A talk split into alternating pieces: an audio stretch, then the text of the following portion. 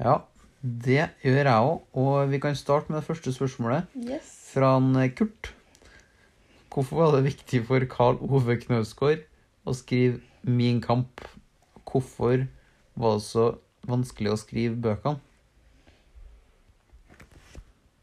Ja, Yes. har du noe godt svar på det, du, Sofie? Jo, først vil jeg jo bare si at det er et veldig godt og et eh, relevant spørsmål vi har fått fra Kurt her, da.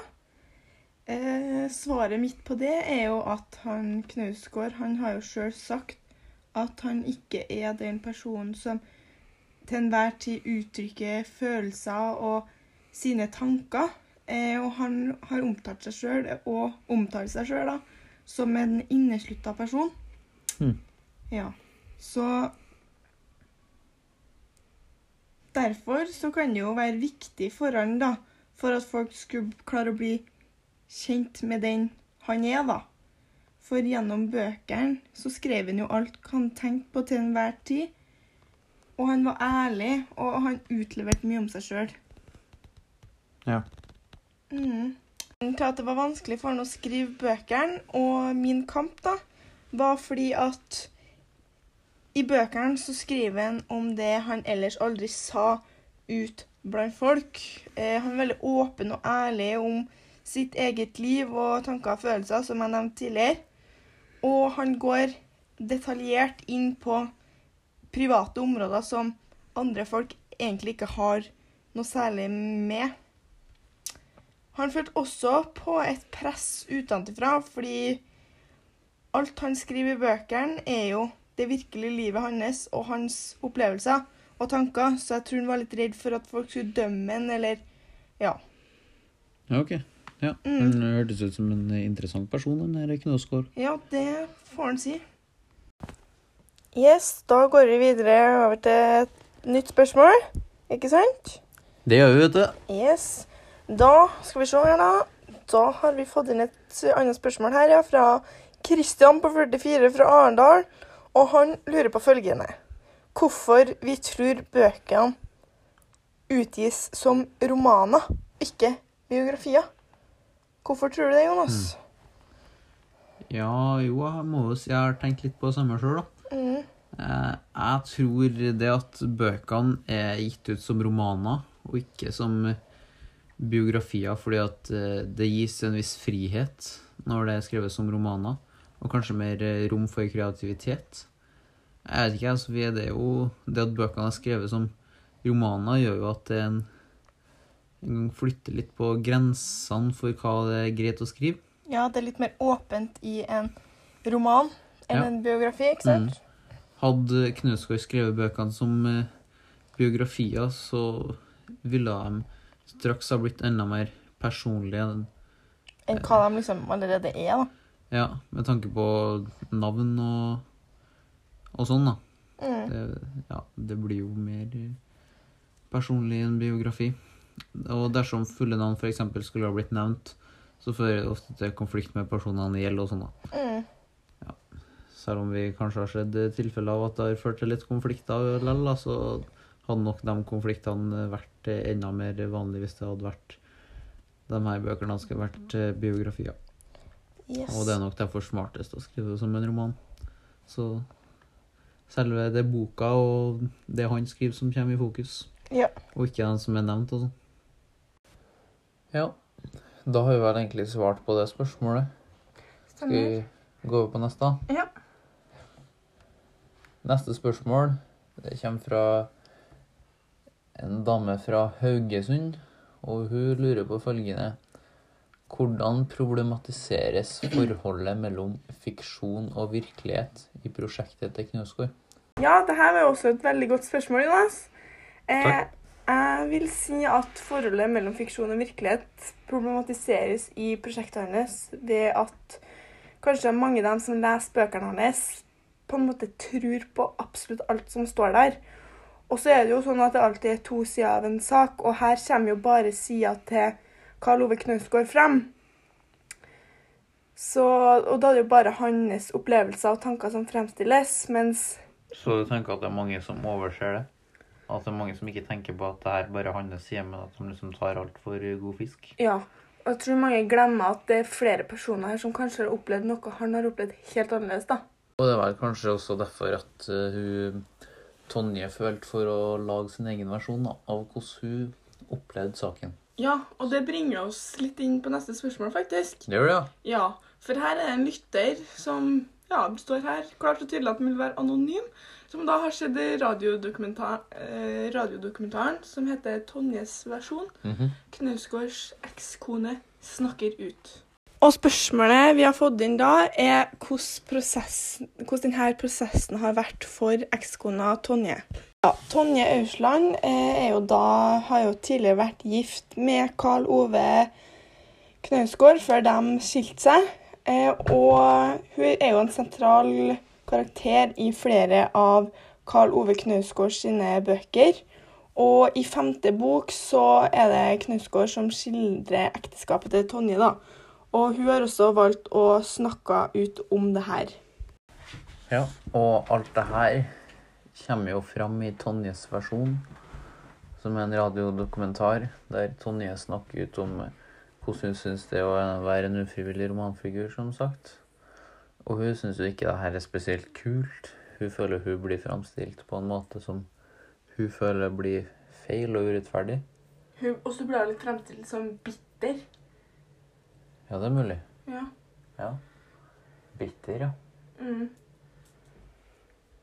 Veldig bra innskudd der, Sofie. Yes. Og så føler hun også at eh, privatlivet blir beskrevet Det er jo litt litt for detaljert og litt eh, ja, over grensene som hun eh, på en måte ville ha satt av. Ja, det er litt grenser for hva det Hun føler seg litt utlevert. Ja. Og Ausland mener jo at eh, media er opptatt av oss ja, At ikke bare leserne, men også media ser det her fra stort sett eh, bare fra én side. Og det er derfor hun føler at hun må gå ut og lage den her Tonjes versjon. Mm, for hun hadde jo egentlig ikke tenkt å være så veldig åpen i starten, men så tok jo det her helt av, så da måtte hun jo nesten komme på banen og fortelle sin side, da. Ja, for hun har jo ikke lyst til å bli framstilt som en eh, bitter ekskone. Ja, eller et offer, da. Et offer, ja. ja. Mm. Du er god på beskrivelsene dine, Sofie. Det er veldig bra. Ja, for hun sier jo samtidig at hun ikke vil eh, framstå som den stakkars ekskona som har det så fælt. Men eh, ja, hun føler jo likevel at hun må si noe, sånn som ting har blitt. Ja, og også en av de grunnene til at hun kanskje tok og spilte den radiodokumentaren, var jo litt av familie og kanskje sånt. Ja, hvordan tenker du da? Ja, de Jeg vet ikke om de hadde lest bøkene. Jeg tror ikke hun hadde snakka så åpent om bruddet og deres ekteskap. Så ja, hun så var jo kommer det ut gjennom hans versjon, liksom. Ja, så hun var litt bekymra hva de ville tenke om hun og sånn, så jeg tror det var bare viktig å få hennes sak på banen, da. Ja. Det var vel egentlig et uh, greit svar på spørsmålet, det var ikke det? Ja, det syns Skal vi gå videre, da? Det gjør vi. Ja. Da er neste spørsmål. Det lyder som følger. Hvilket svar gir Karl Ove Knausgård sin ekskone på hvorfor det var så viktig for han å skrive de her romanene? Svaret Knausgård ga ekskona si, var egentlig så enkelt og greit som at han bare ville snakke om, eller skrive om seg sjøl og sitt liv og ting han opplevde, hva han følte, og ja, hans tanker om ting. I tillegg til en slags berømmelse, da, eh, i form av penger og ja, alle dørene sto egentlig åpne, da. Og det føltes liksom at han måtte utnytte seg litt av det, eller? Ja, han gjorde absolutt det. Og så har han jo sagt i et intervju med Dagbladet, hvis om jeg ikke tar helt feil her nå, at Jeg tror ikke du tar feil, altså. Du tar sjelden feil, du. Ja, det stemmer nok. Og det er at han skriver at boka har egentlig ikke hatt noen hensikt om, de, om vi ikke har visst av personene det handler om. Mm. Det var han ganske klar på. Han sto Ja. på sitt der. Men det han sier om at det var av litt eh, penger og sånn, det kan jo kanskje føre til litt sånn eh, at folk begynner å tenke at den kanskje la på litt ekstra. At, Det er litt oppsiktsvekkende, ja. ja, for det, vi har jo fått et spørsmål her. Hvis jeg finner et spørsmål blant havet av spørsmål vi har, spørsmål vi har fått inn her, så er det jo en her som har sagt at han, etter å ha hørt den eh, Tonjes versjon, så har han begynt å tenke litt mer da, på om denne boka egentlig er sann, Mm. og hvor mye av det som egentlig har skjedd. Mm. Om det er veldig overdrevent, liksom. Det Ja. kan jo være det at man har smurt skikkelig tjukt på. Ja, det kan jo være det. Og jeg tror at uh, hvis du skal ha min mening, så er det Det tror jeg er litt uh, sunt, egentlig, for den uh, historien her. Og at Tonje gikk ut med sin versjon, og at det blir to sider av en sak. Mm. Og at dem som leser boka, kanskje kan høre den radiodokumentaren og få en annen side av saken, og kan tenke litt mer på hva de tror skjedde, da. Mm. Har skjedd, ja. Så det er i hvert fall min mening. Jeg mener det samme som deg der, ja. Jeg Mener sjelden noe, ja, du, ja. Ja, og det ja, Det er vel egentlig det spørsmålet. Yes, så da hopper vi videre til Hopper videre, vet du. spørsmål. Og det lyder som følger. Hvilke kunstneriske argumenter mener dere at kan forsvare at Min kamp 1.6 ble utgitt som romaner? Ja, hva tenker du om det, Jonas? At, eller hvilke ulike kunstneriske argumenter mener, vi, mener du kan forsvare at Min kamp 1.6 ble utgitt som romaner? Jeg mener Vi har jo vært litt innpå det før i podkasten. Ja, men altså, jeg mener det er litt sånn som vi sa tidligere, at det gir Jeg tror det er det Det gir- faktoren med at det gir større rom for frihet. Og, Og smøre litt på. Ja. Og overdrive litt, egentlig. Ja, for hvis du utgir en en Altså en fagtekst da, om hva som skjedde, Mm. eh, så da blir det på en måte Hvis du smører på, så blir det på en måte en løgn. Ja. Men hvis du sier at det er en roman, så kan på en måte ingen ta deg for å lyge. Nei. Selv om du sier at det er en sann historie også. og Hvis det er en roman, så er det på en måte ikke noe krav om at alt skal være sant. Så jeg tror han velger å skrive den som en roman, sånn at han kan gjøre litt om små vrier på historien, sånn at det blir Han skaper det jo mer interessant å lese for leserne. Ja, det var det jeg skulle si. Det blir jo mer spennende. Ja. Jeg tror det er enkelt, Altså. ja. Ja. Ja. Da ser jeg her på tida at vi må egentlig rase gjennom de to siste spørsmålene, Jonas. Og det Ja, hvordan begynner vi å få dårlig tid? Yes. Det er artig, det er Så artig. Ja. Og det lyder Litt ivrig her, da. Og det lyder som følger. Hvilke etiske utfordringer ser du i et sånt her prosjekt? Jeg tenker med en gang at det har noe med privatlivet å gjøre. Hvor mye skal du dele av privatlivet, og hvor langt, eller hvor dypt skal du gå? Ja. Og hvis du sier at du tenker det, så er det vel nevnt tidligere at du tenker sjelden feil. Ja, det er jo sant. Jeg liker å tro det, jeg òg. Ja, men selv om du tenker riktig, så tenker jeg ikke alltid på alt for det. Jeg tenker også at uh, det er et, en etisk uh, faktor som man ta, må ta stilling til, og hvor mye man skal tenke på penger. Og hvor viktig skal pengene være i forhold til hvor mye du utleverer, utleverer folk. Og hvor mye bør du egentlig utlevere dem.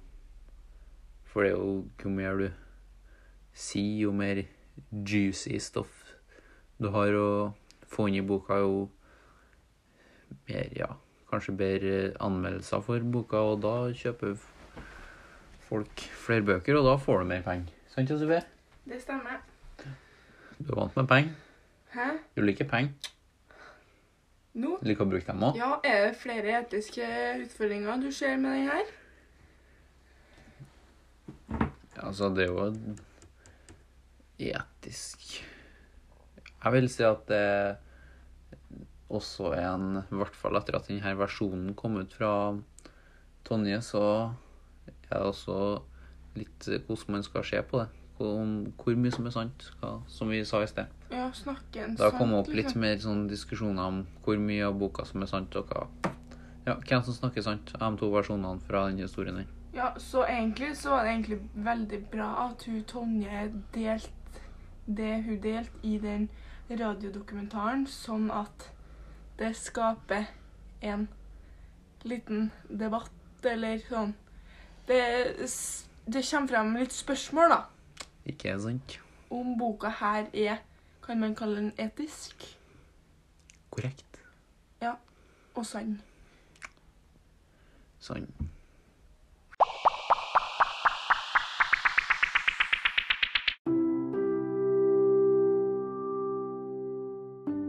Yes, da er det sånn at vi dessverre må begynne å oppsummere denne episoden her.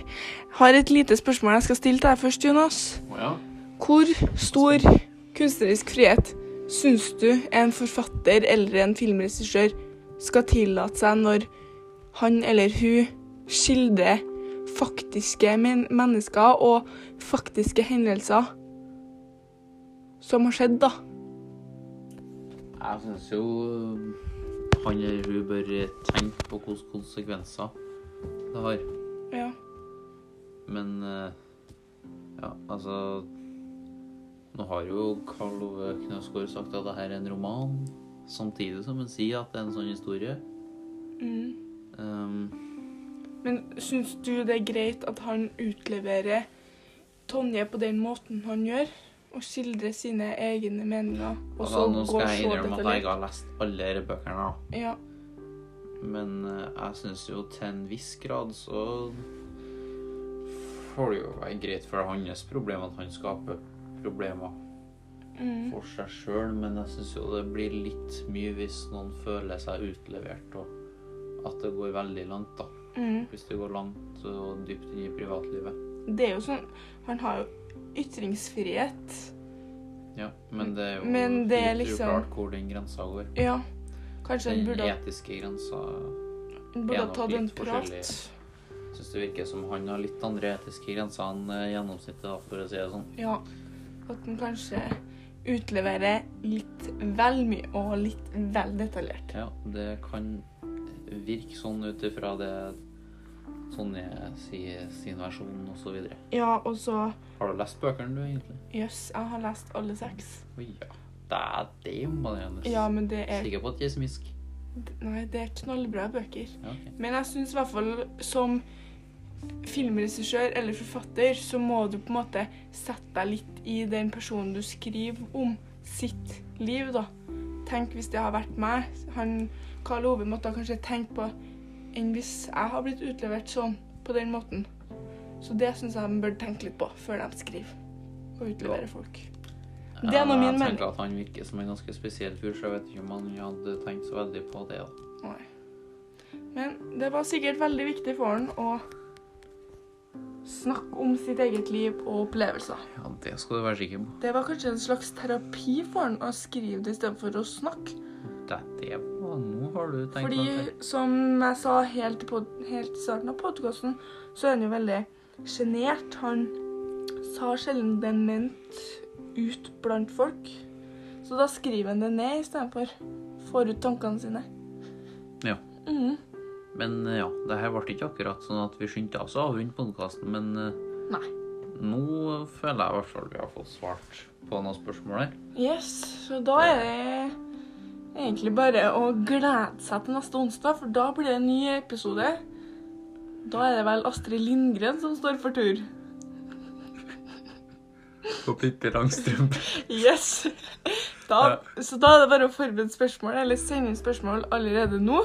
Og da er det bare å gå inn på boksnakk.no og sende inn spørsmål der, eller til mailen vår. Og så også hvis det er noen spørsmål dere hadde veldig lyst til å få svar på, eller meningene også, våre om, så er det bare å sende dem eh, til oss på DM, og så skal vi prøve å få Slide into our DMs. Oh yes. Yes. Vi snakkes neste onsdag. Bye!